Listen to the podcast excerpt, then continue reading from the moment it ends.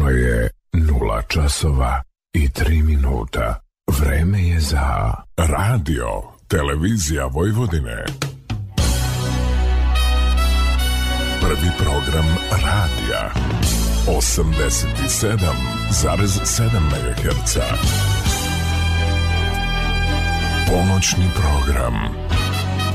Noć obdijanje uz Billy Kinga.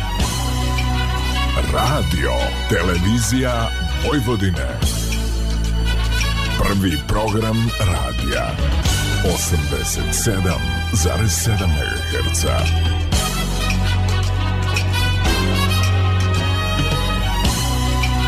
Noć obdijanje uz Billy Kinga. Dobrodošli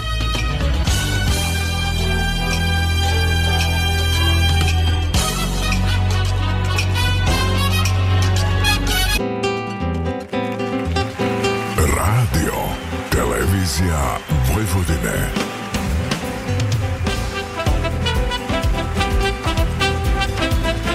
Radio Novi Sad, prvi program.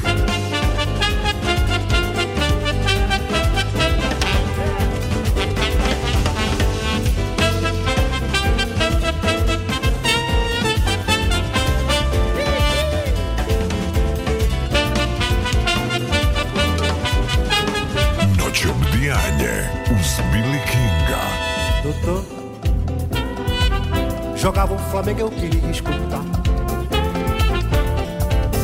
Chico A mudou de estação, começou a cantar. Tem mais. você escuta o olho ali fez de assoprar. Sem dó falou, sem dó falou, falou que por ela eu podia cegar. Seu do um pulo, pulinho, um instantinho no papo. Basto, um basto, durante dez noites me faz jejuar. Levou as minhas cuecas pro um bruxo rezar. O tô, o tô, meu café na casa só pra me segurar. Se eu tô Ai, se eu tô devendo o dinheiro e venho me cobrar Doutor doutor, a peste abre a porta e ainda manda sentar Depois, seu fundo de emprego que é pra melhorar Que é só pra melhorar Vê só, doutor, convida a mãe dela pra ir morar lá É mole, é mole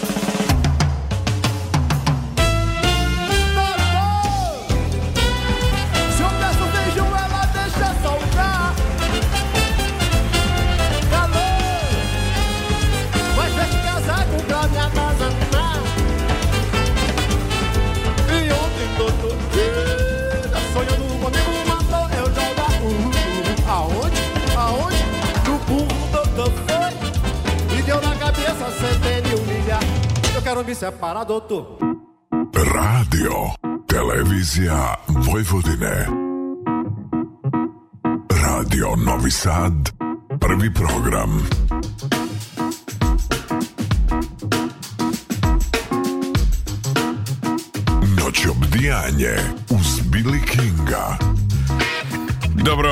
Poštovani slušalci, na pravom ste mesto prvi program radija, radio televizije Vojvodina, čevdjenju s Billy Kinga e, u pravom, odnosno vama jako dobrom poznatom terminu, nekako bliskom, evo 521. put na čevdjenje talasa, što bi se reklo, e, na frekvenciji koja je vama poznata ili na frekvencijama 87,7, 99,3, 99,6 MHz. Ako ste u SBB mreži kanal 715, i naravno putem naše net adrese live stream gde god se nalazile na bilo koje tačke zemljene kugle naša adresa je www.rtv.rs gde god se nalazili moje posebno zadovoljstvo i privilegije da ove noći uh, razgovaram i delim neke vruće muzičke priče uh, kako koncertne tako boga mi i mnogo toga interesantnog iz studija i uh, reći ću bogat koncertni program koji je pred nama u 2024. E, gost noćebdijanja ove noći Vladimir Marečić, Vlada Marečić e, e pijanista e, privatizovaću i moj više scenijski prijatelj koga pozdravljam putem telefona ćemo razgovarati ove noći iz tehničkih razloga naravno ali to neće ništa umanjiti kvalitet našeg druženja i pravo je zadovoljstvo Vlado da smo evo i, i na ovaj način na talasima prvog programa radija, radio televizije Vojvodine i da se družimo. Dobro mi došao ili dobro noć. Dobro noć tebi i dobro noć svim našim prijateljima koji su sada pored radio, radio aparata. Da. Pored radio aparata. Pričate o Vladi Maričiću kome je pre eto, nepunih mjesec dana bio rođendan, 26. januara e, rođen u Šapcu, je završio osnovnu i srednju školu. A odmah u startu da podsjetim sve one koji ne znaju da je u stvari prvi klavir e, koji se obreo, kako bi se reklo, svojevremeno u Srbiji, upravo e, Jevrem Obrenović doneo u Šabac, je li tako? Da, to je, to je istorijski podatak. Uh, Jevrem Obrenović je inače bio jedini uh, iz porodice Obrenović koji je bio, im, završio univerzitet, ono vreme se to zvalo licej, pa je onda i njegova čerka završila takođe licej i onda je on njoj kupio taj klavir u stvari na da poklon i da vira i onda je tako ovaj, se taj klavir obreo u Šapcu i to je to se vodi danas kao da je eto, prvi klavir koji je ušao u Srbiju ovaj, ali naravno zahvaljujući Evremu Obrenoviću. I na taj način naravno Srbija je u to vreme koliko neko sporavao bejaše već deo moderne Evrope bez obzira na sva osporavanja to se ne može osporiti i u svakom slučaju klavir je počeo svoju novu epizodu u, da kažemo, i izvođačkom, ali eto tako i autorskom ili ti kompozitorskom a, segmentu kogod je a, iskazivao i ole talenta za a, instrumente sa dirkama, eto, pronašao je neki svoj mir i neki svoj put u instrumentu zvani klavir. Od 88. godine ti si već počeo da, pored muzičke škole i svega, ti si počeo da sviraš u Beogradu i profesionalno da sviraš u e, kvintetu Lazara Tošića, rekao bih legende i dojena srpskog i jugoslovenskog džeza. Pa jeste, to je bilo vreme kada smo se mi otprilike vratili iz vojske, negde 85. I ovaj, onda sam ja došao u Beograd i uh, krenuo sam da vežbam jako intenzivno, kao što znaš za džez je potrebno stvarno dostići jedan nivo tehnike koji je ovaj, dosta zavidan i ja sam to nekako uspeo i, i eto to je se ovaj, uh, čulo valjda šta ja znam, mi smo svirali tada u džez klubu Doma omladine, to je bilo ono što je tada postojalo, naravno nije bilo privatnih klubova, ovaj, ali taj klub, Jazz Club Omladin je radio redovno i ovaj, program je bio uvek dobar, tu su svirali naši najbolji muzičari, Tjepko Gut i ovaj, Mića Marković i njihov taj kvintet i mnogi drugi, Miša Krstić i tako dalje. I eto, ja sam kao mlad muzičar tamo dolazio na jam sessione, pojavljivao se i ovaj, Lale Tošić me čuo i pitao da li bi volao da sviram s njim u bendu. Naravno, ja sam bio oduševljen što sam dobio takvu vrstu poverenja i krenuli smo da radimo i ubrzo smo čak ovaj, nastupili van zemlje. Ovaj, ja sam 87. Ovaj, išao da polažem prijemni u Gracu za jazz akademiju. Taj, te godine nisam uspeo, ali sam sledeće godine uspeo i tom prilikom sam onda ovaj, uspeo da ugovorim neku cirku tamo u nekom klubu za naš kvintet, a taj kvintet je bio jako dobar, tu je bio gosti Dimitrovski a, Trubač, da? A, trubač, o, onda ovaj, Aleksandar Jačimović na tenor saksofonu da. Duger, jel? i ovaj, Lale Tošić i ja naravno i moj jedan prijatelj iz Šapca ovaj, Dejan Isajlović i Isa pokojni nažalost nije više sa nama on je svirao kontrabas i mi smo u toj postavi svirali eto i taj grad i Ljubljanu i Zagreb bila je kao neka mini turneja, eto to ja sam tad imao nepune 23 godine. I naišli ste naravno na sjajan odjek i odziv od strane publike koja je oberučke da, prihvatila da, sve to što ste radili, ali tvojom pojavom i pojavom mladih snaga u to vreme reklo bi se otvara se neka nova priča na jugoslovenskoj i na srpskoj jazz sceni, ne, sveža krv, nove e, jednostavno ideje, novi način izražavanja, jako bitan moment ta tvoja individualna snaga i individualna definicija jedinstvenost izraza je upravo u mnogome pomerila granice i ljudi su e, počeli u veli, većem broju slobodno mogu reći da posećuju i koncertne prostore jazz klubove i nekako je u očima ako tako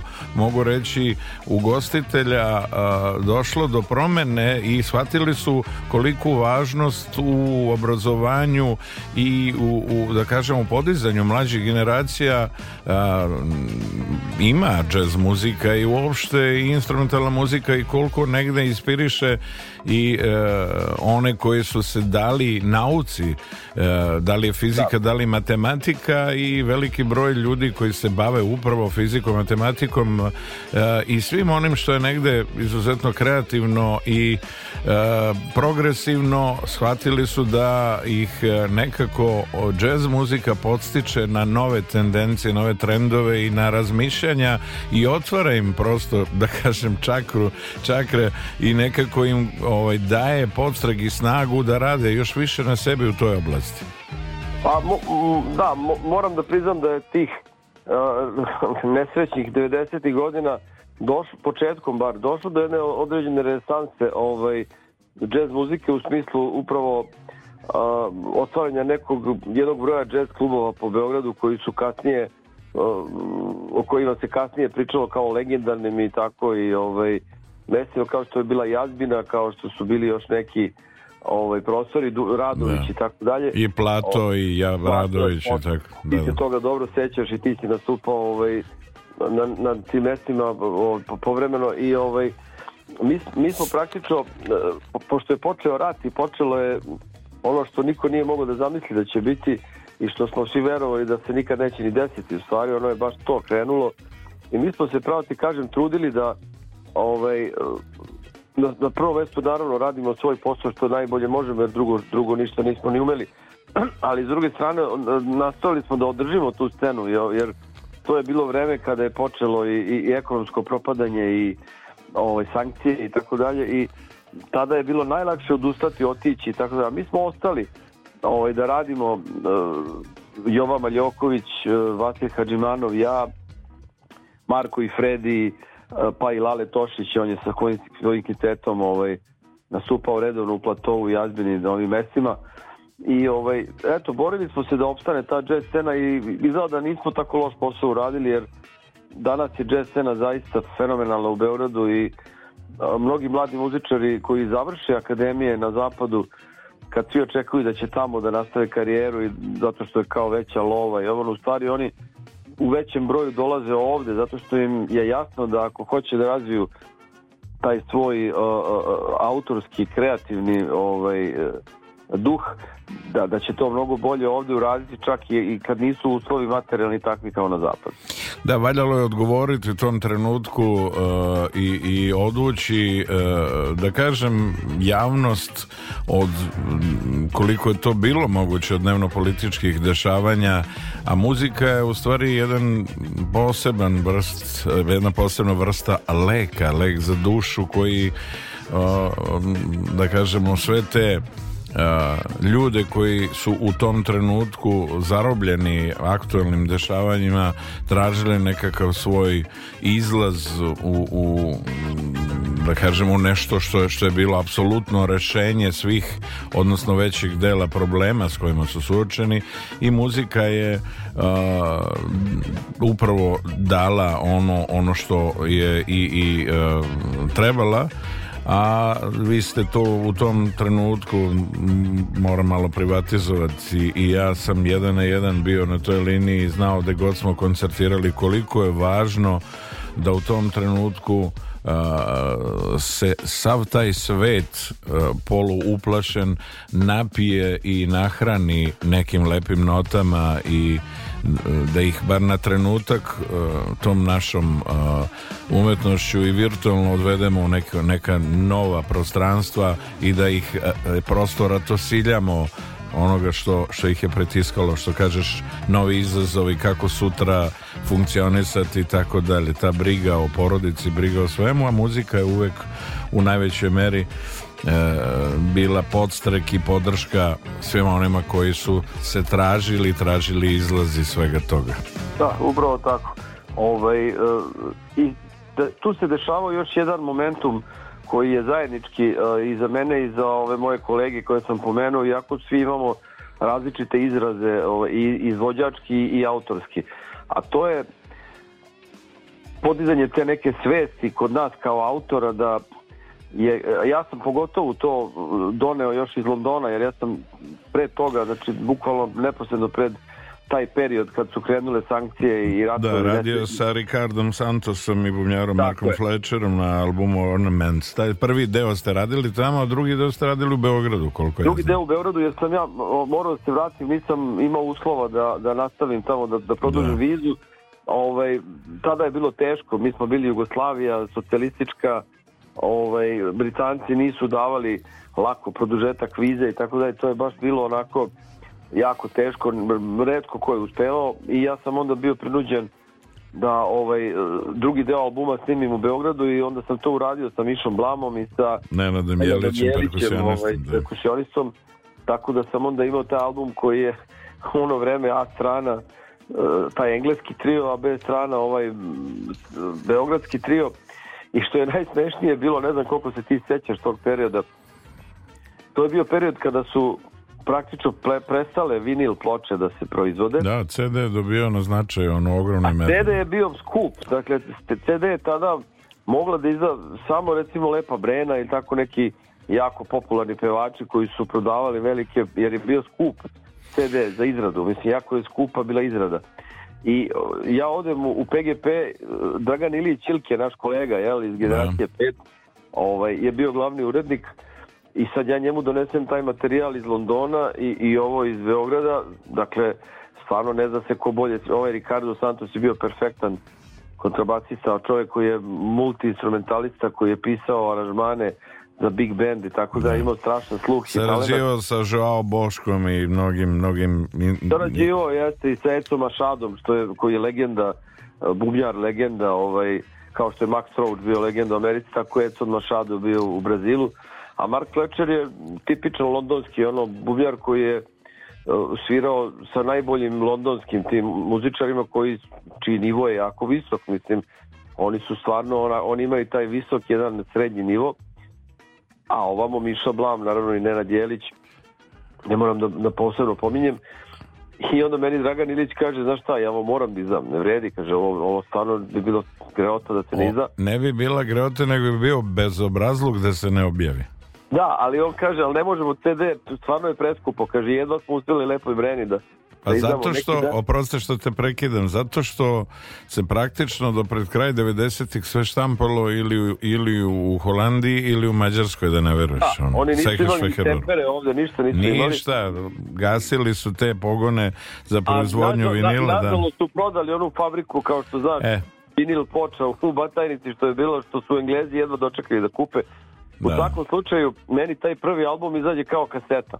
Da, da, to da. je bilo da. solovansko rešenje. Dobro, nije, nije ovaj... E, e, ali je dobilo svoj zgore... broj izdavački tako. Jeste, da, fonografski, ali je jako dobro e, ovaj, i jako izvodljivo danas. E, ti znaš da je, da je ponovo na svu sreću i radost a, mnogih diskofila a, ploča ili ti vinil dobila opet svoju zastupljenost i u velikoj meri ili u većoj meri je prisutna na, na muzičkom nebu ili na tržištu i m, mm, ogroman broj ljudi hrli i kupuje LP-e. Tako da moja Lepi sugestija da. da. Da, se taj album uradi kao, kao vinil i da a, ja sam siguran nađe nađe ogromnu podršku kao što rekao kod, kod e, ljudi koji prate tvoj rad a i generalno jazz scene i svega ono što se dešava krajnje interesantno jedan kuriozitet kad si pomenuo da kažeš CD i skupi to ja sam bio svedokom jer smo svirali 85. E, Argus na Babinom kuku e, kad se pojavio kad se pojavio prvi zvanični CD koji je Philips objavio a to je album Brothers in Arms Dire Straits Dire Straits su da. u Liberta su spremali tu čuvenu turneju koja je trajala dve godine Brothers in Arms, tako da smo se u to vreme i viđali i onako nisam viđao Mark Knopflera ali kompletnu ekipu Johna Ivesley i tu ekipu tamo praktično smo se družili što bi se reklo da, i, i kutu, sam da. CD da, i sam CD je ovaj, dobio to što je dobio, ali nikad nije mogao da dobije tu neku snagu i emotivnu i neku zvučnu na koju smo mi navikli i shvatili vidjeli smo koliko ta nazovi perfekcija u digitalnom zvuku zna da ukradi da otme suštinski ono važno pa, pa što su tako, nasile tako, plaće. Tehnološki napredak ima neke svoje setbackove, ima neke mane, ali u svakom slučaju uh, uh istorija ide dalje i mislim ne vredi sada ovaj uh, što kaže nad prostostim lekom ne treba plakati ovaj CD je imao neke svoje velike prednosti ali on je kao što vidiš prevaziđen i ovaj sad su već ovi potpuno nevidljivi digitalni formati kao Spotify, Deezer i tako dalje. Muzika je sada konačno samo u etru i osim ovoga što se vraća vinil za neke ljubitelje i tako dalje, to nije loše, postoji. Ali u svakom slučaju, ovaj, eto, meni izašao taj prvi, tako taj prvi album, već kasnije ovaj paganska trilogija i ono sve što je sledilo Old Dreams New Friends i ovaj, to, to, prelo i tako dalje, to je išlo mnogo lakše, to je, da, tad je već CD ušao u, u standard i, i, već su kod nas počeli da ga prave i onda, onda je to tako išlo kako išlo. U svakom slučaju, eto, nešto smo radili, nismo, nismo baš sedeli i, i skrštenih ruku, jel? A, definicija e, jedinstvenost izraza je nešto što tebe krasi i ljudi tačno na temelju fraze, na temelju produkcije i note znaju da je u pitanju Vlada Marić da kao trio, kvartet uglavnom e, ljudi prate i, i, i rado se a, e, pojavljuju na tvojim koncertima, na tvojim nastupima. Nema veze da li su to jazz klubovi, prostori manjeg, da kažemo, gabarita sa manje publike, kako god, ili su u pitanju neke koncertne dvorane i e, nekako se rado o, okreću svemu onome na čemu si radio. E, tvoja muzika koja, možemo jednim delom reći, e, jeste i primenjena, našla je zastupljenost e, u neposrednoj saradnji sa medijskim kućama i dosta dugo je Radio Televizija Srbije koristila a, e, kao podršku tvoj, tvoje autorstvo i tvoju muziku. Pa jeste, eto, to je bila igra slučaja. Ovaj, Uh, uopšte taj moj album Prelo koji je izašao 2002. godine ovaj, je bio poprilično iznenađenje za naše slušalce i za, i za naše tržište uopšte jer sam ja tada prvi put napravio sam taj spoj balkanskih ornamenata ornamenata balkanske tradicionalne muzike i džeza i latin džeza na jedan originalan način uz pomoć gudačkog orkestra uh, kakav do tada nije, ovaj, nije rađen. Dakle, to nije prvi pokušaj spajanja naravno na, narodnih eh, ornamenata i džeza. Prvi je Duško Gojković, eh, on je 66. godine izdao album koji se zvao Swinging Macedonija, gde je ovaj upravo i ova čuvena pesma Bembaša i tako dalje. A zanimljivo je reći da je i on to uradio na nagovor, odnosno na predlog Maljca Davisa jer je Miles, on je sreo Miles Davisa, ja mislim, u Jean Le Penu 4-5 uh, godina pre toga kada je naš Big Band svirao na onom čuvenom takmičenju i pobedio i tad je Miles Davis imao svoj koncert i upoznao Duška Gojkovića kao mladog muzičara i ovaj, on je tada Dušku rekao, kaže, vidiš, kaže, u čemu je razlika između mene i tebe, e, ja sam Miles Davis, a ti, tvoje ime niko ne zna, kaže, ako sviraš odlično, možda čak i bolje od mene e, kaže, ako hoćeš da se tvoje ime zna, moraš da daš nešto originalno. Zašto ne iskoristiš ornamente, kaže, i, i, i ovaj, fraze i, i muziku uopšte tvog naroda i tvo, tvojih krajeva. Zamisli, on je tad 50 i 7. 8. godine već znao za našu muziku narodnu i kako ona zvuči da je zanimljiva. I Duško Gojković je tu bio potpuno šokiran i već 66. godine izdao Svingi Macedonija, dalje ostalo je sve istorija. Uh, da kažem samo još da je bio vredan pažnje pokušaj Lale Kovačeva i o, Balkan Impressions ovaj, gde se pojavljuje i mladi Vlatko Stefanovski i Jeste, tako dalje. Jeste Paganke, i Uroša Čerov i... I Uroša Čerov, i Paganke i... I Draškoci, i svi su tu Vojin Draškoci. da. Vojin Draškoci.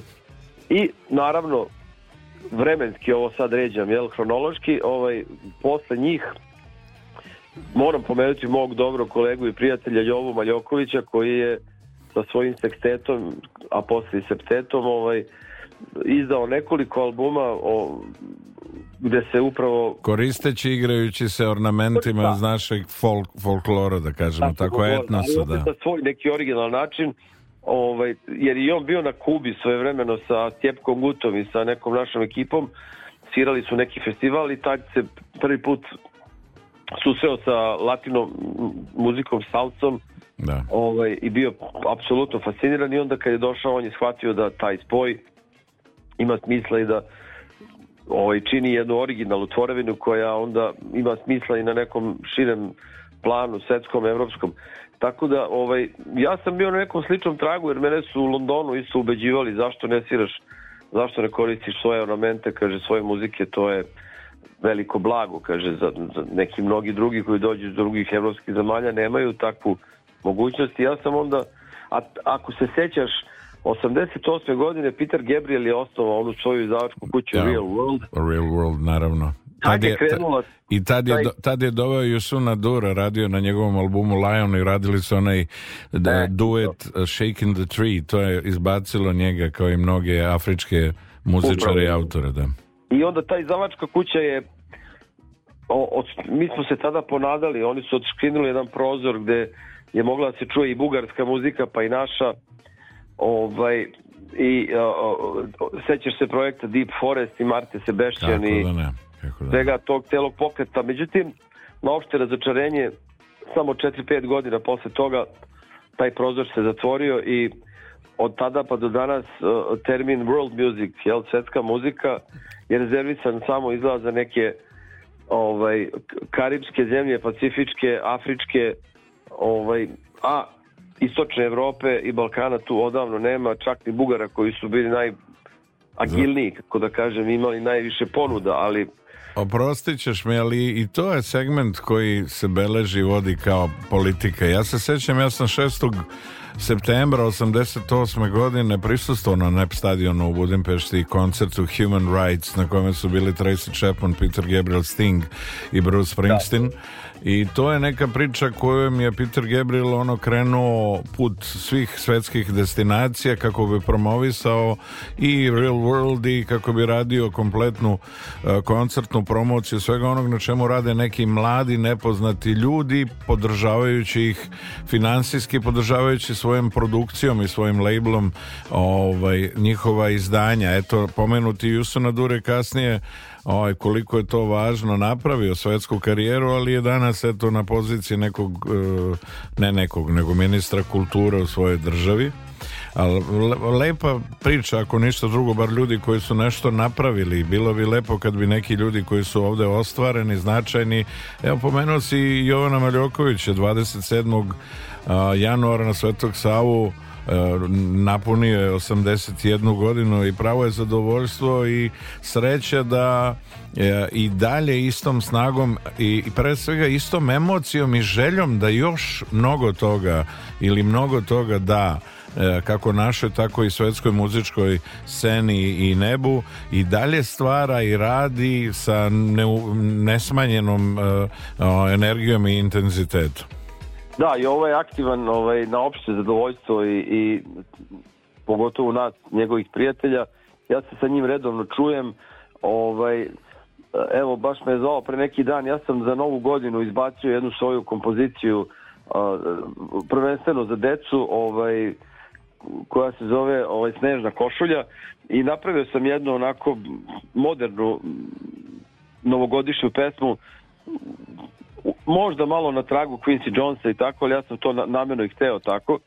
I on se jako oduševi, zao me da mi čestita i kako je lepo što je neko napravio nešto moderno, konačno za decu, ovaj, a da nije u onom nekom uobičajenom maniru kako se to obično i radi. I onda smo se tom prilikom čuli, on priprema novi CD kao i ja, ovaj, meni izlazi uskoro sad za manje od mesec dana njemu, nešto kasnije pošto je u nekoj ranijoj fazi, tako da je on stvarno ovaj, Eh, dobar primer, odličan primer našim mlađim kolegama eh, da ne treba da nikada odustaju i, i, da, i da slede neki njegov primer. Dakle, on je uvek insistirao na autorskom radu. Dakle, to je onaj možda najveći problem u džezu, znaš. Ljudi ulože jako puno vremena eh, da, da usavrše svoj izvođački moment, moment. Da. Ali u tom ogromnom radu, kao što znaš, tu, je, tu su potrebni godine vežbanja po 10 sati dnevno, a, ljudi malo zanemare taj svoj autorski moment. I kada konačno dostignu izvođačke veštine koje su potrebne da bi se taj džez svirao na nekom zavidnom nivou, onda shvate da nisu u isto vreme razvijali i autorski, autorske veštine i autorski momentum i tu onda stvar počinje da kašlje, onda, onda oni moraju zavisiti od kompozicija drugih autora i tako dalje. Tako da Jova Valjoković je bio primjer i za to da mladim muzičarima da, da paralelno razvijaju i izvođačke veštine, ali i autorski momentum. I u tom traženju e, veliki broj naših dragih prijatelja, kolega, kako god i autora, izvođača ili zaluta e, putem nekih staza koje nemaju praktično finale ili su slepe ulice pa, ili, ili, ili e, pregore ili sagore u, tom, u toj silnoj želji mnogo nota, mnogo preproduciranja, mnogo svega na kraju se ništa ne desi, a kvalitet upravo u onim ornamentima jednostavno mogućnosti koje nudi i naš etnos i naša, ovaj, da kažemo, naš folklor koji je dovoljan sam po sebi da eh, da definiciju onome na čemu radimo.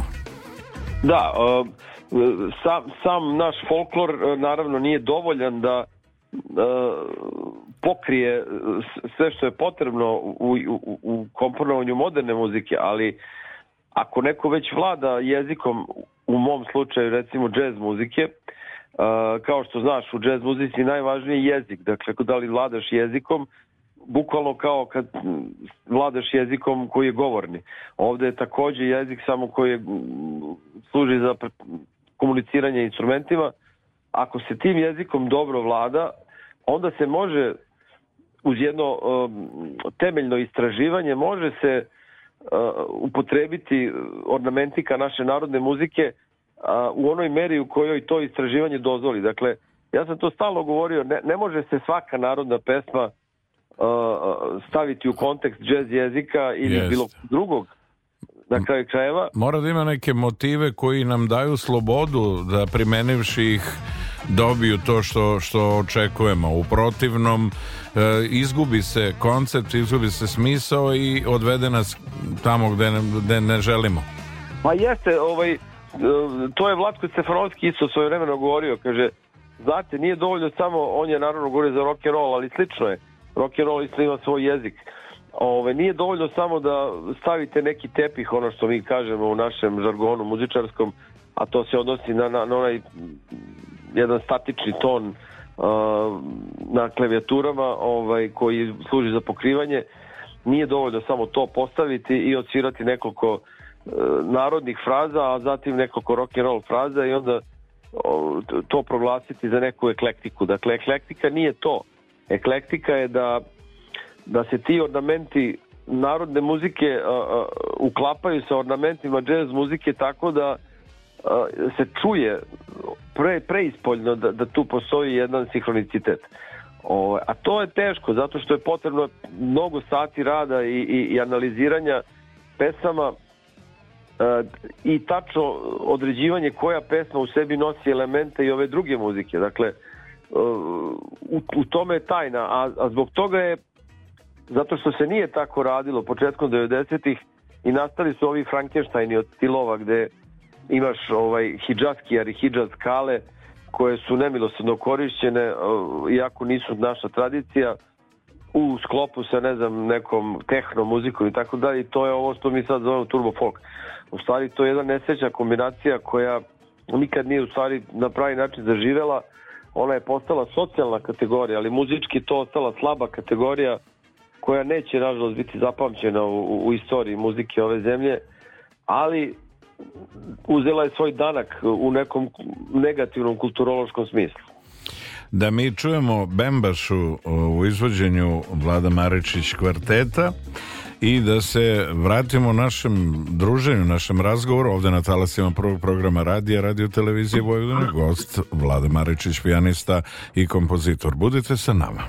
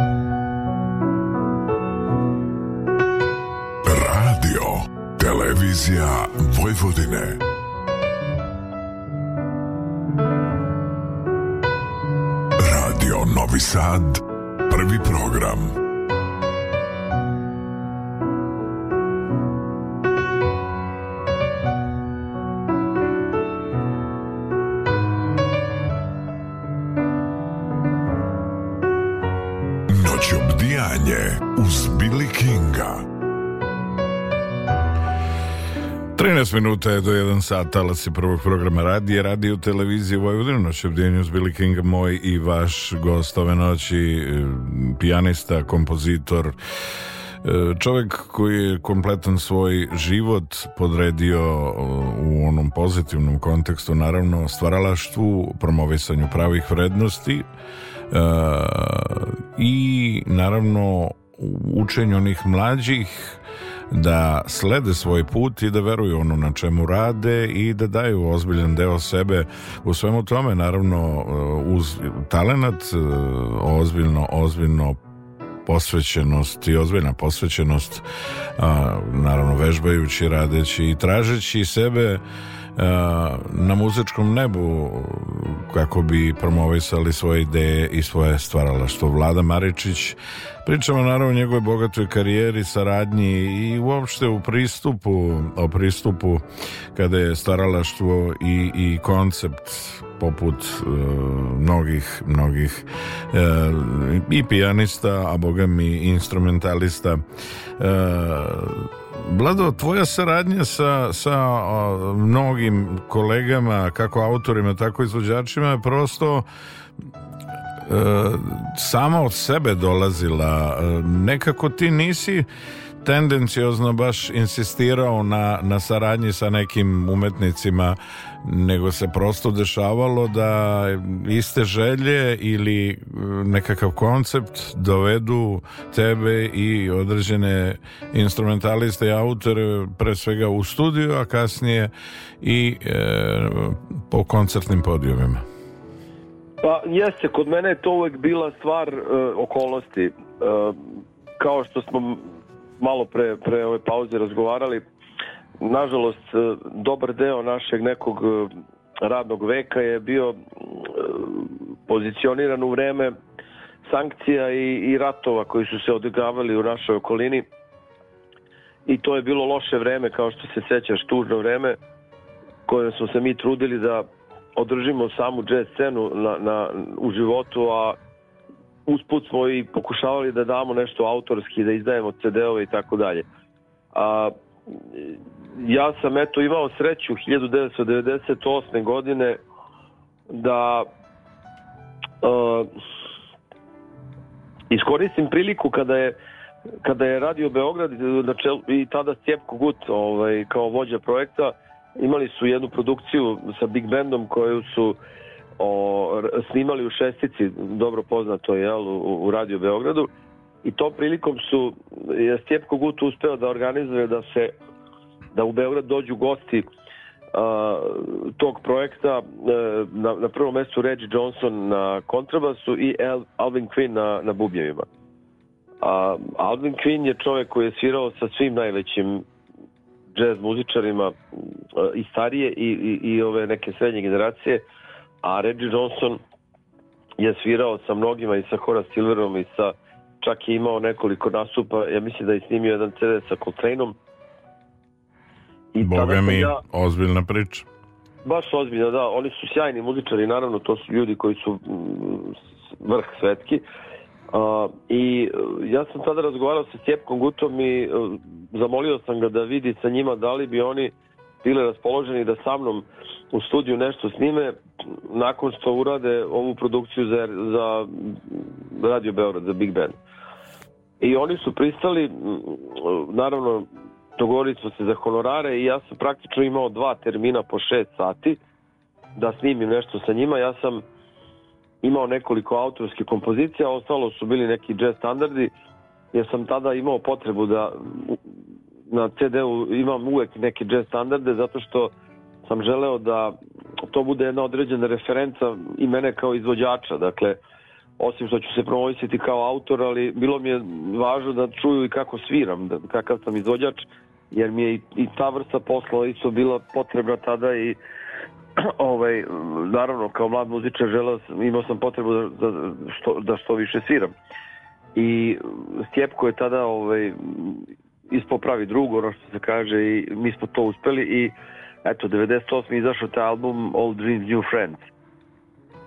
Da. Kasnije sam imao priliku da sarađujem sa, sa raznim muzičarima. eto, 2016. smo imali taj koncert sa Brianom Lynchom. To je čovjek koji je osvojio dve Grammy nagrade, jednu 2010. sa Edi Palmierijem, a drugu 2017. Da, dakle, godinu dana nakon što je sa nama odsvirao taj koncert na Beogradskom jazz festivalu, koji smo mi by the way snimili i onda je izašao kao live, dakle album kao live koncert uh, uh za multimediju, za domaću izdavačku kuću Multimedija Records. Uh, tako da, eto, to su bile neke spontane stvari. Dakle, ja, uh, a čak i da sam se trudio nešto planirano, da, da sa nekim o, o velikim zvezdama radim, verovatno sa mnogima ne bih uspeo, jer uvek je to staro kolosti, da li su na turneju u Evropi, da li će svratiti u Beograd. Meni je uvek bilo komplikovano i, i materijalno dosta nedostižno da, da ja otputujem negde dalje odavde i da, i da snimamo negde u inostranstvu. To je za većinu naših džez muzičara tada bilo neostvarivo. Jer... Misalna imenica. Misalna imenica, kao što se sećaš, bile su sankcije, ljudi su imali plate prvo 5 maraka, pa 10, pa 15, mislim to danas kad razmišljamo i sami u sebi. Delo je prosto neverovatno, ali je nažalost tako bilo. Ali je bilo tako. A da, da ovaj, platiš neko snimanje u inostranstvu, ne znam, desetak hiljada maraka ono vreme, to je stvarno bila misla univete. Ali i pored toga, eto, dešavalo se da, da se otvore neke mogućnosti ja, ja sam onda to samo koristio maksimalno kada, kada se to desilo. Tako da, eto, ubeležio sam neke tako lepe saradnje, ovaj, bilo je tu još toga naravno, ali ovo sam namerno pomenuo ono što je izašlo na CD-u. Ti si nastupao sa mnogim domaćim međunarodnim festivalima od Zagreba, Beograda, 88. 90. Atina, 96. Minhen, 96. Temešar, 2000. Paris Jazzy Colors Festival 2006. Tvoj samostalni koncert je u pratnji Big Benda Jazz Studio Orkestra u Bariju 2009. Solistički koncert u Domu sindikata 2011. Valjevski Jazz Festival 2015. uz prodošku u organizacijonom smislu i kako god braće Maljoković. E, mnogo, mnogo toga e, interesantnog stoji u, u, u tvojoj bogatoj i autorskoj izvođačkoj karijeri. 26. oktober 2016. ti otvara 32. Beogradski jazz festival sa svojim bednom i specijalnim gostom Brianom Lynchom i izvodiš originalne kompozicije. E, da podsjetimo sve one koji ne znaju, Brian Lynch je dobitnik nagrade Grammy 2007. a nominaciju za istu nagradu 2017. i dobitnik Grammy nagradu 2019. za najbolji bend u kategoriji Big Benda. E, U martu 2019. ti si objavio CD za izdavačku kuću, kao što se rekao, Multimedia Music pod nazivom Rain Dance Live, snimak koncerta sa Branom Linčem održanom e, na 32. Beogradskom jazz festivalu 2016. E, sa svojim kvartetom 2019. E, nastupio si i na Semana jazz festivalu u gradu Ciudad de la Laguna na Tenerifama, a održao si koncert u Kicu Srbije u Parizu, našem kulturnom centru, da kažemo, ili ti kulturno-informativnom centru u Parizu u okviru Internacionalnog Jazz Colors festivala, kao i koncert e, u Banskom dvoru Banja Luci 21.12. Sjajan prostor u Banja Luci, Banski dvor priznaćeš o, ovaj, da. i, i ja znam da si ti naišao na sjajan prijem u Banja Luci i ti si svojim kvartetom 2020. na 36. Beogradskom festivalu E, svirao, a u junu 2021. izašao je i tvoj CD. To 2020. samo moram da, da podsjetim i tebe i publiku, to je bilo u sred korone. Dakle, a, to, to je bio moment kad je, kad je stvarno ovaj, bio jako veliki strah i e, malo muzičara je uopšte imalo hrabru da se pojavi, a mnogi nisu došli naravno iz inostranstva i e, eto opet smo nekako kao onih 90-ih nesreći kad smo svirali i u sred bombardovanja na trgu Republike pred nula gledalaca u nekom momentu. Ovaj, eto, ponovo se desio moment da smo spašavali jazz festival na neki način, ovaj, jer je u tom momentu izgledalo kao da kakvi, da, da će se ikad održati, mislim, i, i na kakav način. O, naravno, bilo je jako malo publike i, i morali su da sede svi udaljeni 5 metara, već sećaš se kako je bilo sa onim matkama mi smo i to uspeli, a kad se ovako navede kao statistički podatak 2020. Beogradski festival, pa dobro, šta? Važno je da ljudi znaju ko je imao dovoljnu hrabrosti i petlje, a jednostavno bio svestan koliko je važan taj momentum što kažeš za svakog čoveka po osob ili to bio ozbiljan lek Uh, jedno, jedno je opšto, jedno je opšte, jednom opštem strahu i uh, jednostavno ambijentu u kojem je kompletan svet uh, tog trenutka bio obhrven. Pa da, ako se malo prisetimo, kao što znaš, kada se recimo mlađim ljudima objašnjava nešto iz prošlosti što oni nisu videli jer su bili mali ili nisu bili rođeni, uvek je najteže objasniti kontekst vremena. Lako je objasniti događaje, dakle desilo se to, pa onda posledica bila to. Međutim, kada, a, a, kada pokušaš da objasniš kontekst, onda je to problem. Ovaj, tako i ovo, dakle, sveć, mislim, ovo je bilo sad nedavno, kako da kažem, u istorijskom smislu, pa onda većina ljudi se naravno seća i ovaj, taj, taj kontekst je bio stvarno odvratan. Mi smo sve vreme gledali na televiziji one snimke iz Italije gde smo se svi smrzavali od straha kad oni kamioni koji odvode one ljude koji su pomeli tako da nije to uopšte vesela tema ali ali eto u tom takvom trenutku mi smo uh, bez jednog trenutka oklevanja prihvatili poziv Beogradskog jazz festivala da nastupimo jer smo shvatili uh, kakva je specifična težina tog koncerta, dakle to nije bilo kao običan koncert kada je sve u redu i kada su ljudi došli da se i razonode i da, da, da se kulturno nadgrade na kraju kraja, ali u jednoj opuštenoj atmosferi. Ovo je bilo nešto potpuno drugo, tako da moram da priznam da sam ponosan što smo tada bili na visini zadatka i, i što smo i to uh, uradili onako kako treba i na, na stvarno visokom profesionalnom nivou.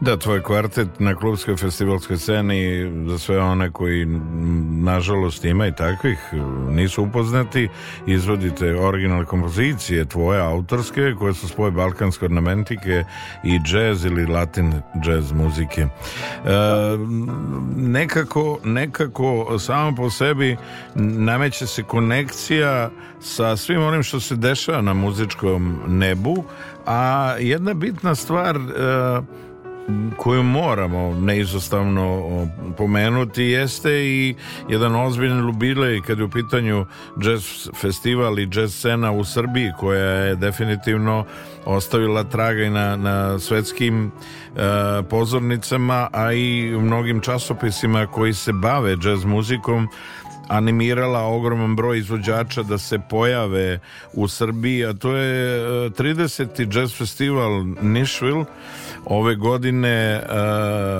od 15. do 18. augusta na platovu, odnosno samoj Niškoj tvrđavi e, eto jednog obaveštenja da je od srede 21. februara počela Predprodaja kompleta ulaznica za predstavljaći jubilne 30. Nišvil Jazz Festival, čiji će glavni program biti održan, kao što rekoh, od 15. do 18. augusta na platovu Niške tvrđe. E,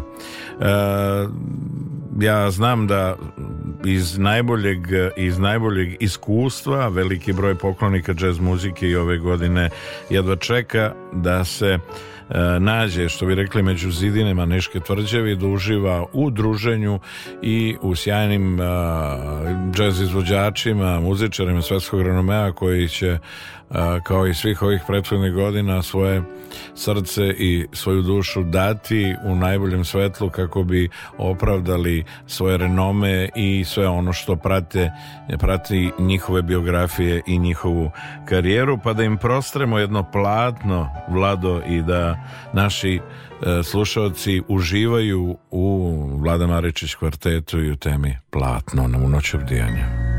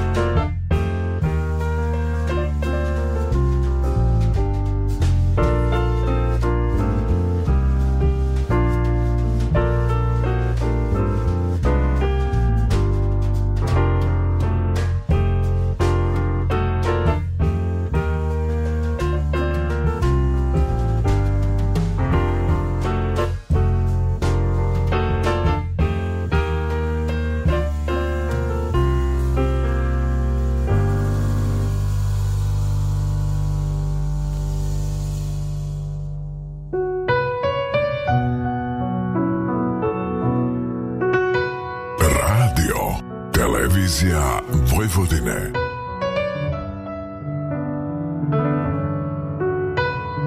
Radio Novi Sad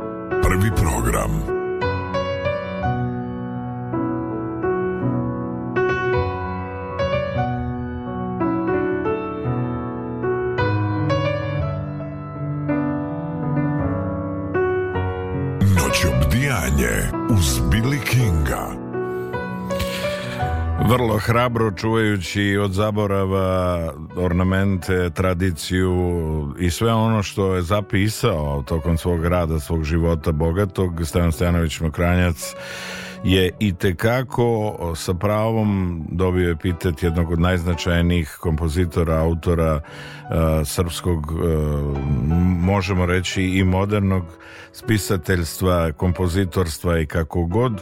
U svakom slučaju vlada, sećaš se da smo na, na časovima u školi imali i čitanje ono prima vista, partitura i tako dalje i tako dalje.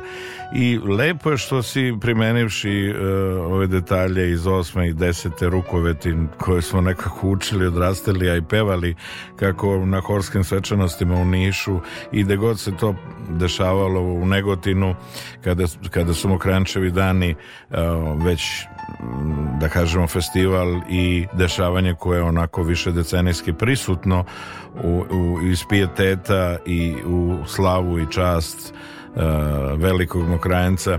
Lepo si primenio eh, ovo u temi platno i hvala ti na tome što si, što kažu, implementirao sve ono što je već postojeće negde zapisano, ali na svoj način onako uvio u zlatni povoj sve ovo i ostavio kao legat onima koji dolaze i koji treba da shvate koliku blagodat imamo u našem etnosu, u našem folkloru. Pa da, to ponekad da, da bi tradicija preživela mora da bude ispričana modernim jezikom. Ponekad je to potrebno. Dakle, nije dovoljno ispričati tradiciju onim jezikom kojim je ona već postojala, nekim arhaičnijim, nego mora se ispričati modernim. Ja moram da kažem da mi je ideju za ovo dao u stvari pokojni Zoran Hristić, koji je te godine bio umetički direktor i selektor e, festivala Mokrajnčevi dani u Negotinu i on je mene pozvao da sa svojim trijom nastupim tamo na festivalu i da, da održimo svoj koncert. Ja sam naravno to prihvatio sa zadovoljstvom i tada mi je on dao tu sugestiju ajde kaže napravi nešto na temu Mokrajnca, ti si talentovan i već radiš te spojeve naše ornamentike i džez jezika i neće ti to biti tako teško. I ja sam prihvatio taj izazov, mada sam znao da će biti teško, pošto uh, uh se i sam Kranjac borio da našu ornamentiku ispriča u jednom smislu jezikom uh, zapadne klasične muzike ili bar klasične muzike generalno uh, i uspeo to ja sam sad imao ponovo težak tu zadatak da, da to napravim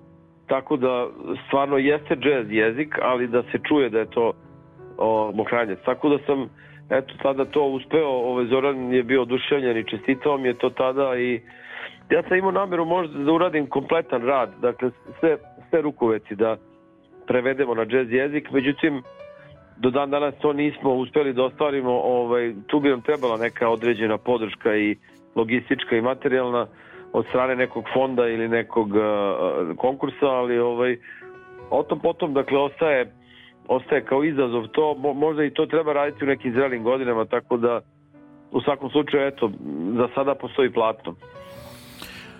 Preko kog ili na koje treba ispisati još neke značajne momente e, bazirane na tradiciji, a iz duše i kreativno iz studija ili kuhinje Vlade Marečića?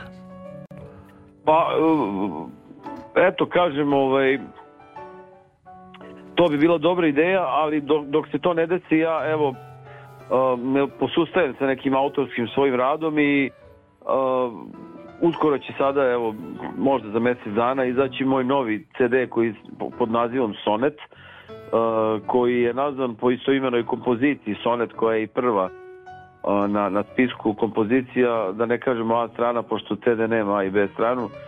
Ovaj, I ovog puta sam se odlučio da većinski repertoar tog CD-a ne bude a, u duhu tog eklektičnog spoja balkanske ornamentike i džeza, tim što postoje dve kompozicije koje jesu i dalje na tom tragu. I jesu nit koji povezuje tvoje, tvoje staralaštvo pove, da, jer sam shvatio da, da ne bi bilo dobro da baš potpuno odustanemo od tog svog uh, manira koji već gajim dugo godina. Uh, tako da sam uradio opet jedan svoj aranžman uh, naše narodne pesme Moj golube, ali sam je dao englesko ime Pigeon, odnosno što znači isto golub. Uh, takođe je to u džez jeziku, ali se čuje da je to ta pesma. A druga kompozicija je u mom solo izvođenju, gde sam negde na neki, ajde da kažem tako, uslovno rečeno, džeretovski način odsvirao kompoziciju Nispolje idu babo imeni, ali ja sam je nazvao samo sa imeni. Tako da su te dve kompozicije, ta nit potka koja vezuje ovaj CD sa onim ranijim, a ovo ostalo su kompozicije koje su, neke su u klasičnom maniru jazz trija, a neke su u latino jazz maniru e, gde sam imao i e, goste na CD-u, a to je e, perkusionista koji je prvenstveno svirao konge, ali i sve druge perkusivne instrumente koji se zove Paul Prieto, on je kubanac koji živi u Beogradu. Lazaro. Lazaro nije ovog kuta sarađivao s nama zato što ovaj, je bio zauzet sa nekim mnogim projektima u koje je e, upleten.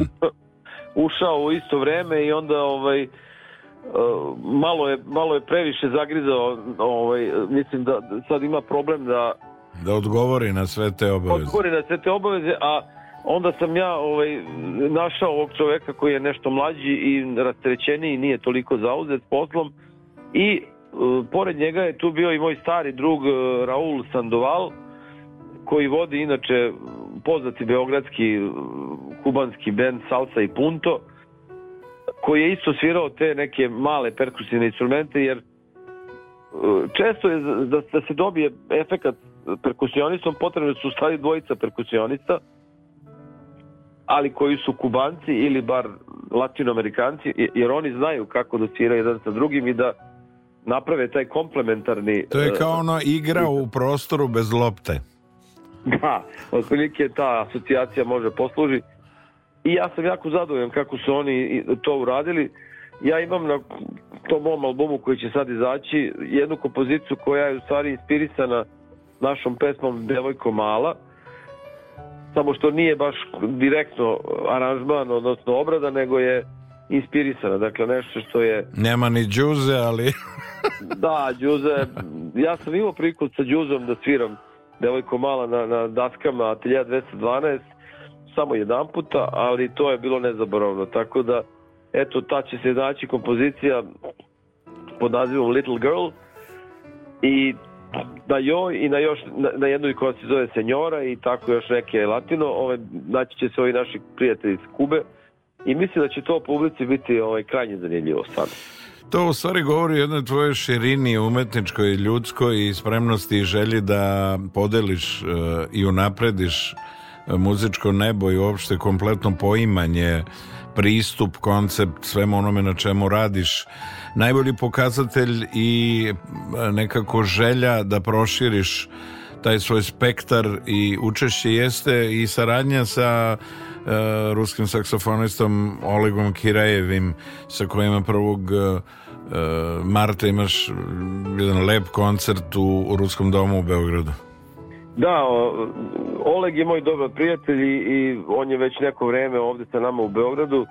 Inače, saksofonista koji je naravno Rus, ali vezuje ga ljubav prema džezu sa nama kao, kao i svi drugi. Mi smo svi ovaj, braća, što se kaže, muzičari svi muzičari sveta su braća, to se zna. A, meni je jako drago što sam se s njim upoznao i što sam imao priliku da sviram nekoliko puta u nekim beogradskim klubovima kao što je Bojem Bar i još neki. I e, svirajući tako zajedno, e, potpuno nepretenciozno i bez nekog specijalnog osvrta na neki specifičan repertoar, nego svirajući upravo jazz standarde, svako na svoj način, mi smo shvatili da, da bi bilo zanimljivo možda da napravimo jedan koncert uh, ali ovog puta u duetu, dakle samo klavir i, i saksofon. E, I on je naravno dao ideju da to bude u Ruskom domu i eto, rečeno učinjeno, termin je zakazan i 1. marta ćemo Oleg i ja napraviti jedan koncert za, za klavir i saksofon gde ću ja prvi put u stvari e, nastupiti u duetu sa jednim instrumentalicom jer ja sam do sad uvek svirao ovaj, uglavnom u triju, kad sam bio mlad, naravno, i u tim većim postavama, a par puta sam imao nastupe i solo. E, jedan put u našem konzulatu u Parizu, jedna divna dvorana sa blizu Eiffeleve kule, kule sa koncertnim klavirom.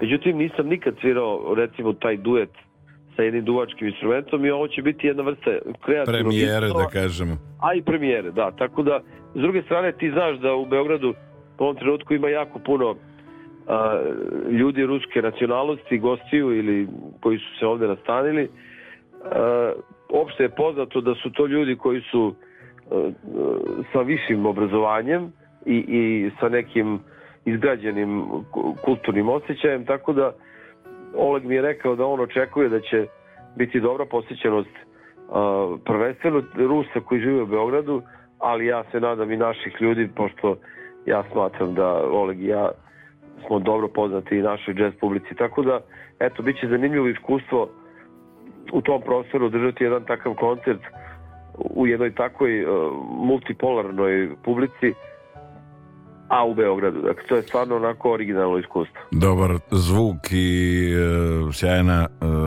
aktivnost koncertno se daleko čuju i ja sam siguran da mnogi e, poklonici džez muzike i svega onog na čemu ti i Oleg Kirojev Kirejev radite e, ne direktno nego i svako u nekim svojim zasebnim pričama a evo prilike i radosti da e, zajedno koncertirate da svi sa nestrpljenjem i sa posebnom energijom i očekuju 1.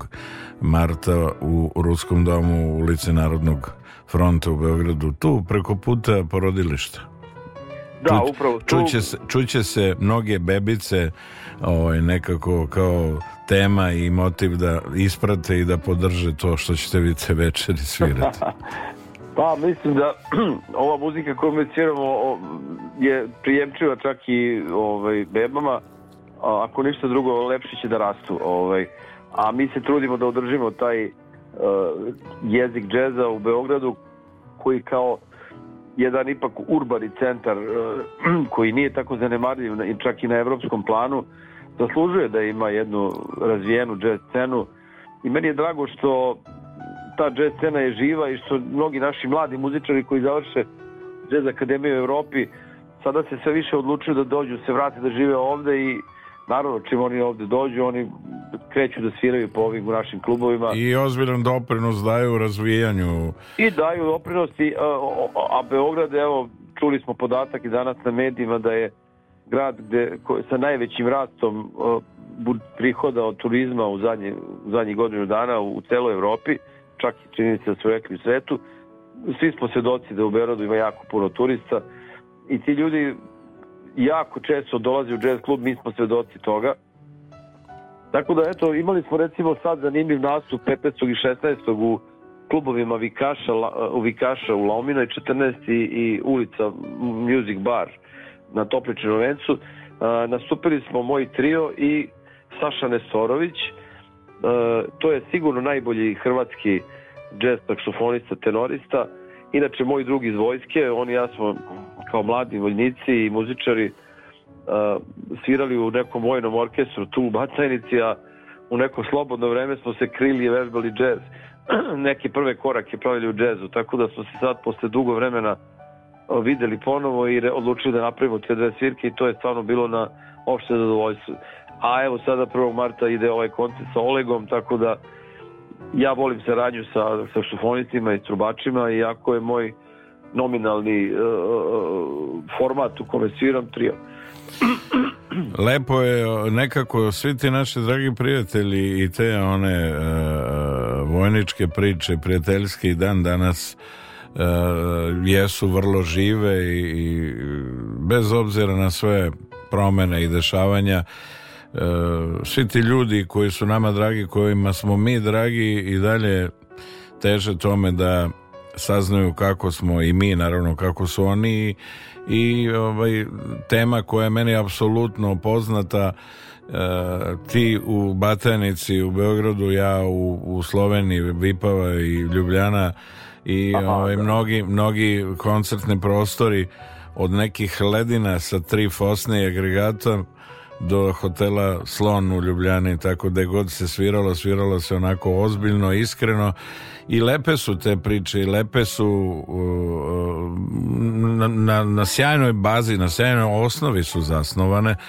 i nekako neka traju, neka muzika da svoj pečat i e, nekako sama po sebi, po svom značaju i kvalitetu izbriše sve te neke loše priče koje su na tren e, pomerile iz, iz baze, iz jezgra e, neke dobre priče i nekih vrati na taj put ili ih ono trajno gurne u stranu i neka bude muzika neka bude bolero ako se slažeš i um, da, da, da, da uživamo i dalje u stvaralaštu Vlade Maričića na talasima prvog programa radija Radio Televizije Vojvodine. Noćebdijanje uz Billy Kinga, 1 sat 22 minuta. Budite sa nama.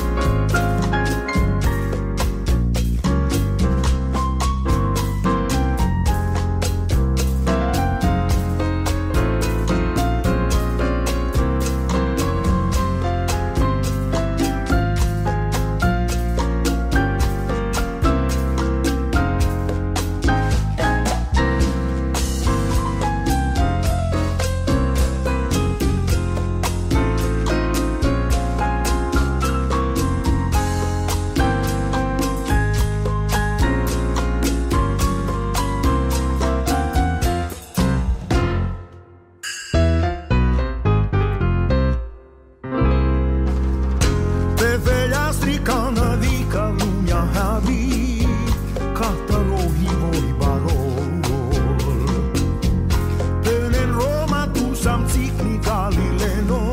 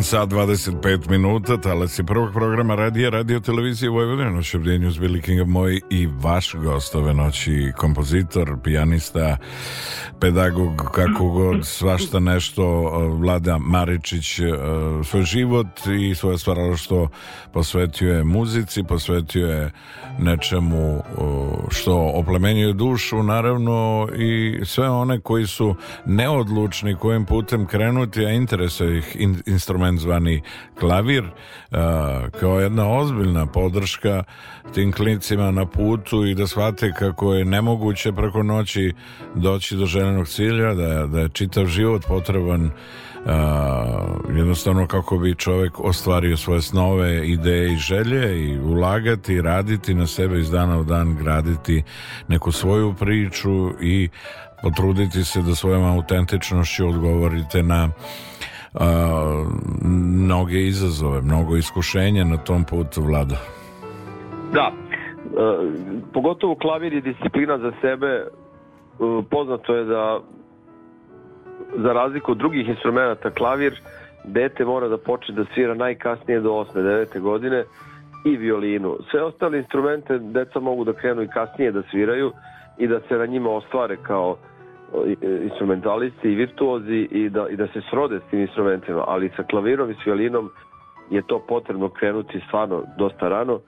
Uh, to samo po sebi govori koliko su to te, instrumenti teški, mislim, za, za absorbovanje i za uh, ostvarivanje te neke minimalne tehničke osnove koja pruža dovoljnu bazu za, za savladavanje nekih uh, komplikovanijih kasnije muzičkih materijala. Tako da, e, naravno, ja dajem podršku svim našim mladim jazz muzičarima, pogotovo za njihov autorski rad, a, gde ih, e, ja, ja ih stalo podsjećam na to da e, jednostavno obrate pažnju na to da, da više, više truda ulažu u autorski rad, u to da, da ga unaprede. Ne, a, a, zato što znam da će oni sami po sebi već da vežbaju, da ulažu sate i sate u vežbanje sa, tehnike samog instrumenta. Danas to nije uopšte upitno, pogotovo što znaš i sam da u naše vreme mi nismo imali baš mnogo nekih muzičkih materijala edukativnih. Danas je to stvarno dečija igra, mislim otići na YouTube ili negde i pronaći bilo koju školu, bilo koji učbenik, bilo koju knjigu, bilo šta, bilo koje učilo, sredstvo za učenje sve je danas na raspolaganju. A, međutim, nisam, ne vidim nešto da to utiče na povećan broj a, dece ili omladine koja, koja se ozbiljno bave vežbanjem muzike i, i savladavanjem a, instrumenta. A, mislim da je danas problem što je danas muzika samo jedan mali element u, u okviru te velike slagalice koja se zove multimedija. Uh, A u vreme kad sam ja počinjao, ja i ti naravno, da se bavimo muzikom, muzika je bila ogromna reč. Mi nismo imali mnogo toga. Imali smo stripove, imali smo dva programa na televiziji, crtani film u 7 i 15, možda neke sličice ono, da lepimo u albume i to. Mi nismo imali mnogo što šta i, i muzika je bila velika, ogromna. Danas se kaže muzika samo jedan, jedan, jedan mali deo tog pazla, tog, tog, tog, tog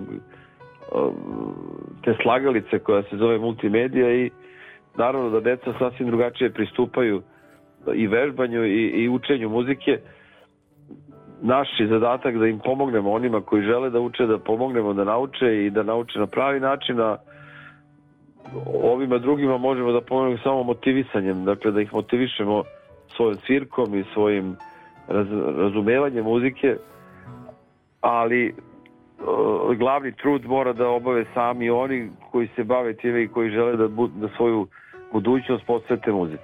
Da ne odustanu prosto, eh, mnogo je dana u kojima ne ide baš svak, kako treba, ali, ali eh, raditi na motorici, na prstoredu, raditi na, na najbolji način na svemu kako bi e, određenu temu ili pesmu izneli, zapisali na kraju krajeva i koncertno izveli e, znaš sam po sebi da u mnogim situacijama i kad se rade u studiju pesme oni kažu ne ne ne ne, ne nema nema drugog tejka ostavi tako to u stvari daje draž i dinamiku i uopšte e, posebnost određenoj pesmi ako se promaši neka nota i ako se napravi možda na nekom mestu neželjeno pauza ona u stvari daje posebnost i daje ono tu liriku koju vodi melodija parodija kroz, kroz pesmu, tu neku vrstu, da kažemo, skrivene poezije koje nosi melodija.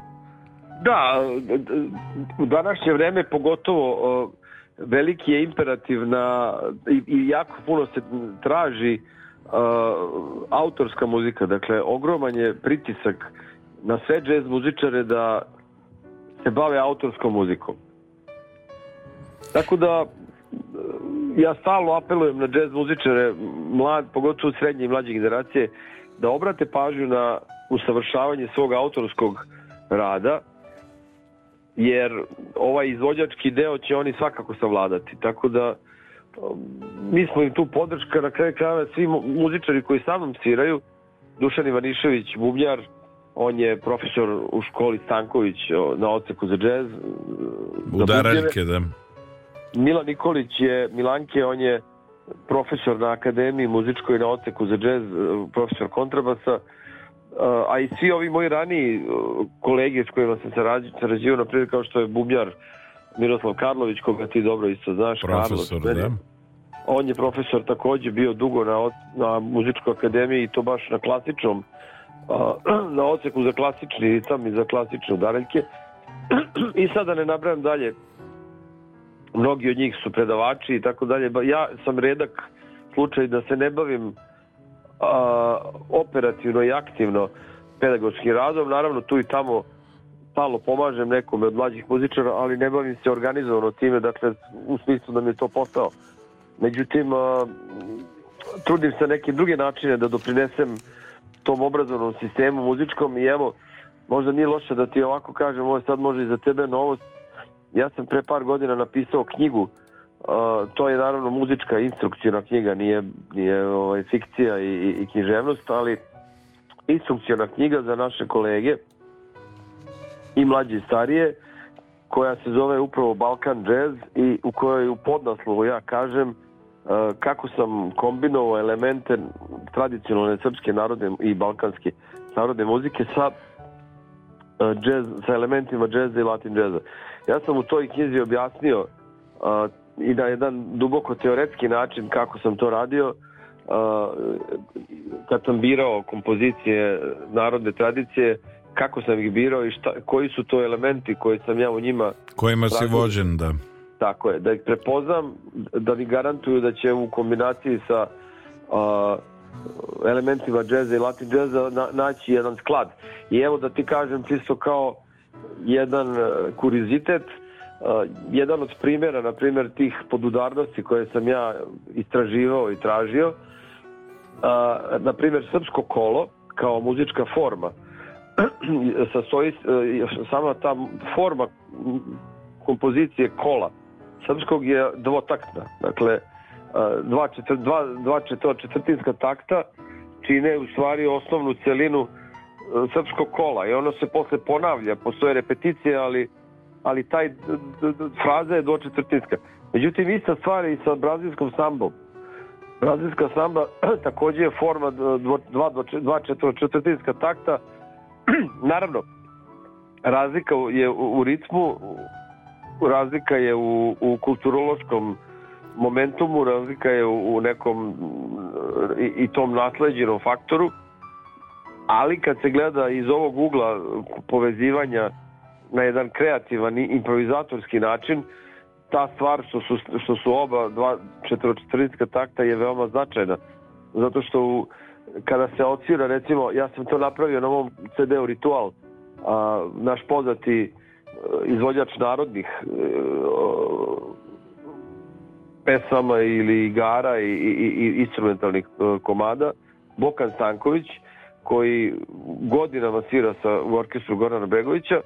Na moju molbu on je došao u studio i ja sam e, na matrici samo snimio ritam sambe. E, čak i bez nekih e, štimovanih instrumenta samo sam, samo sam snimio ritam, dakle bubnjara i još neke udaraljke kako sviraju sambu, ali na pravi, klasičnu sambu, jel? Uh, i onda sam zamolio Bokana da mi na fruli svira srpsko kolo preko te sambe i to je savršeno se uklopilo. Dakle, eto, ja sam na takvim primjerima uh, pokušavao da pokažem u praksi uh, kako to izgleda kad se nađu pod udarnosti, kad se sklope tako dve različite tradicije da mogu da pasuju apsolutno jedna sa drugom bez ikakvog uh, dodatnog aranžiranja i, i promena.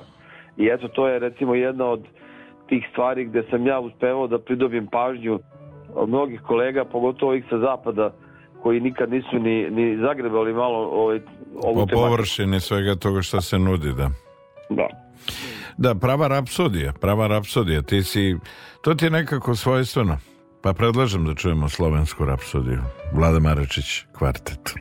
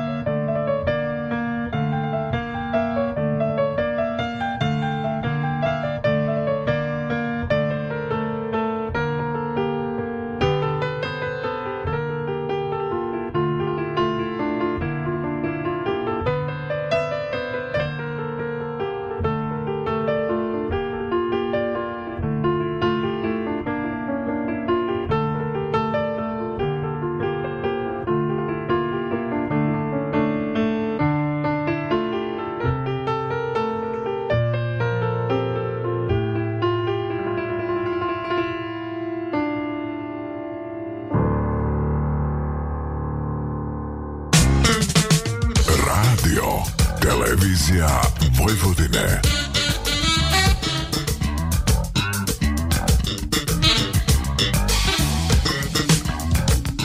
Radio Novi Sad, prvi program.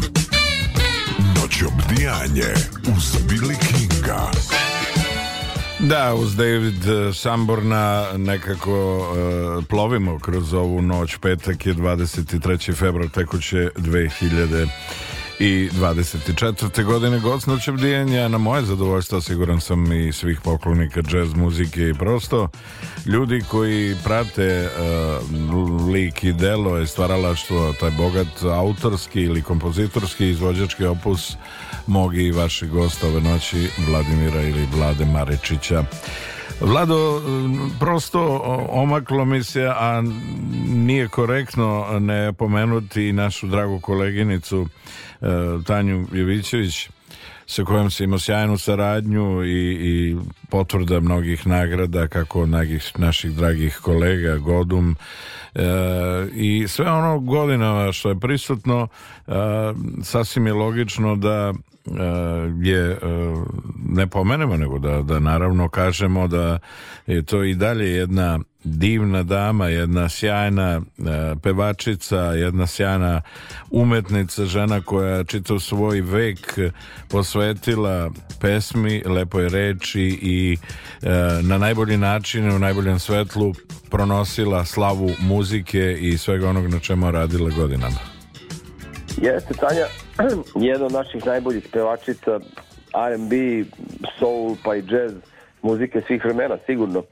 A, ona je kao vrlo mlada postala popularna zbog grupe Oktobar 1964, da? da? Jeste, ti se sjećaš da je to bio pričan događaj za naše generacije, ali kao što vidiš ta, ta poruka od onda i se proteže kroz vreme i a, taj repertoar te grupe, a po mom mišljenju poprilično zahvaljujući Tanji je ostao živ i, i prepoznatljiv do današnjih dana ovim mlađim generacijama koje to tada nisu davno još bile ni rođene. Ove, ovaj, Tanja i ja smo sarađivali dobrih 25 i više godina. E, kao što znaš, svirali smo na platovu redovno, i, ali smo svirali i po celoj Srbiji, svirali smo koncerte.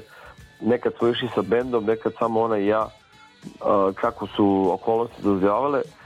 I 2015. godine ja sam odlučio da izdam CD Magija koja ne prestaje, koji sam u dobroj meri posvetio Tanji i njenom stilu pevanja, a, ali sa osvrtom na, na onaj jazz koji mi zovemo soft jazz, a, čiji su najpoznatiji predstavnici možda grupa Incognito ili Brand New Heavies.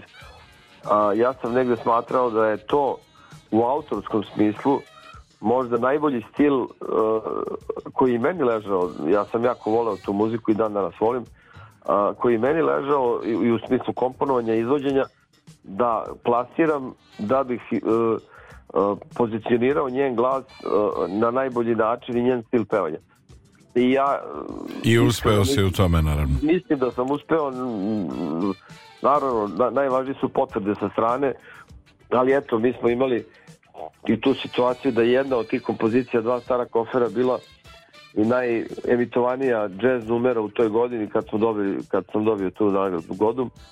Tako da, eto, to je ono što mogu da kažem ovako u kratkom nekom obraćanju za Tanju. Uh, ona je svakako obeležila jedno vreme svojim pevanjem i u tom trenutku kad je bila na vrhuncu svog izvođačkog kapaciteta uh, mislim da je bila bez premca i da nije imala uopšte nikakvu konkurenciju.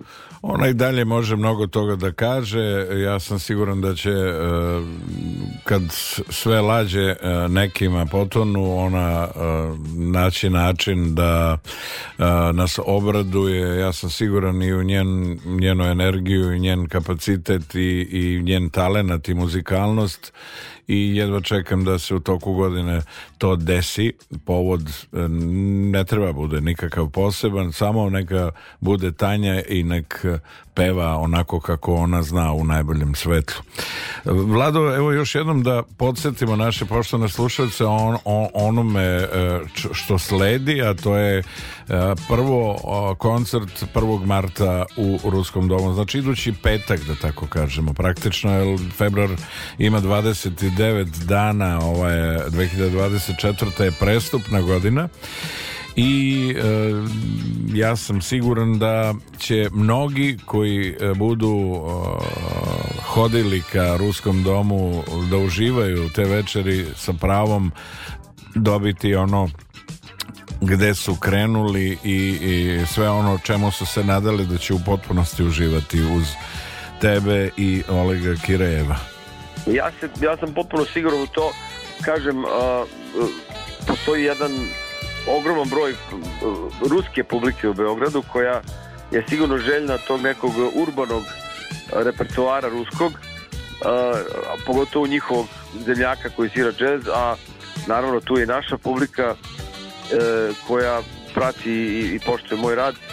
Tako da smatram da je to stvarno dobitna kombinacija. Moram da pomenem da je to do, do tog koncerta i uopšte i došlo, zahvaljujući ljubaznosti i dobroj volji i kako da kažem dobroj energiji gospodina Evgenija Baranova koji je direktor Ruskog doma čoveka koji je dugi niz godina već u Srbiji i bio je s nama i u neka teška vremena kad su bila bombardovanja i tako dalje uh, sad je direktor Ruskog doma i veoma je naklonjen uh, muzici i umetnosti uopšte i podržava svaku aktivnost koja je u tom pravcu tako da Oleg i ja nismo imali težak zadatak da taj koncept i zakažemo, postavimo i da ga osmislimo. Tako da ovom priliku želim da iskoristim eto da se zahvalim gospodinu Evgeniju Baranovu na njegovom trudu i na dobroj volji. Pozdravljamo i mi i naravno hvala na u, u, uloženom trudu i želji da se a, u najboljem svetlu predstave umetnici upravo i u Ruskom domu. A, veliki broj njih je upravo to učinio u proteklih da kažemo decenija ali evo lepe prilike da oni koji nisu bili u prilici da čuju ovu kombinaciju uh, Vlade, Vlade Samarđića Bože, Vlade Marečića Vlada me ugo... Neš, kolegu Vlada jest, Nešto, nešto ovaj, štuca sigurno ovaj, e, Vladom Varičić i Olega Kireva da e, to učine u petak 1. marta 2024. od 20 časova, tako? Od, uh, koliko sam ja video, od 19 časova. Od 19, dobro. Postavljeno je nešto malo ranije nego što je običajeno, ali ovaj, radi se o ruskom domu, pa je to potpuno razumljivo. Ja bih hteo samo da iskoristim ovu priliku, pošto se a, a, nalazimo na, na radio talasima radio televiziji Novi Sad. A, da najavim još jedan koncert koji će biti na leto, ali će biti na jednom lepom novosadskom festivalu. A, taj festival se zove Festival uličnih svirača. Dobro. I a, e, ljudi koji vode taj festival su Bora Beljanski i njegova čerka e, Natalija Beljanski koja je inače direktorka našeg kulturno-informativnog centra u Parizu trenutno Ona je uh, jedan od tvoraca, idejnih tvoraca i selektora ovog festivala uličnih svirača. Ja sam bio tada u avgustu ovaj, prošle godine na tom festivalu na Petrovaradinu i moram da ti kažem da je to jedna jako lepa manifestacija razuđena na nekoliko eh, nekih tako malih trgova i bina gde se održavaju različiti programi, između ostalog i ti umetnici koji su aktivni po celoj Evropi a tiče se tog te neke akrobatike i tih uličnih umetnosti, međutim tu je bilo i naravno ozbiljnih muzičkih događaja i onda u saradnji sa Natali i sa njenim ocem Borom Beljanskim a, došli smo na ideju da 31. avgusta ove godine na tom festivalu takođe sledećem uh, uličnih svirača uh, prikažemo možda nešto i najbolje što postoji od neke srpske jazz scene, tako da će nastupiti moj trio, nastupit će kvartet Maksa Kočetova, mislim da će nastupiti e, kvartet Ivana Radivojevića i Šime Trio Plus. A, sve to je iste večeri. Sve će se desiti iste večeri i mislim da je to apsolutno e, jako lepo će biti iskustvo e, u tom nekom letnjem ambijentu Petrovaradina to su one divne jel, letnje noći tihe koje, koje su kao stvorene za, za neke ovaj, koncertne aktivnosti. Ovom prilikom naravno i tebe pozivam da dođeš da se družiš sa nama. Hvala. I, i mislim sam. da će biti jako lepo ovaj, iskustvo. Siguran sam. Dame i gospode, bio to Vlada Maričić, a, e, a, e, kažem još jednom, evo pre svega koncert Ruski dom, 1. mart 2024. Vlada Maričić i Oleg Kirejev e, te večeri daju najbolje od sebe. Budite te noći odnosno te večeri tamo u 19 časova. Vlado, hvala ti mnogo na izdvojenom vremenu i na želji po ko zna koji put da predstaviš svoje stvaralaštvo i e, u najboljem svetlu i prosto uživa smo i ti ja u razgovoru siguran sam i bit će prilika uskoro, uskoro da se vidimo hvala ti još jedan put ja se zahvaljujem i tebi i radio televiziju Novi Sad na domaćinstvu i na gostoprinstvu E, Maričić je bio sa nama ove noći e, Noć obdjevnju s Billy Kinga 521. put na talasima prvog programa radije Ostanite dalje sa nama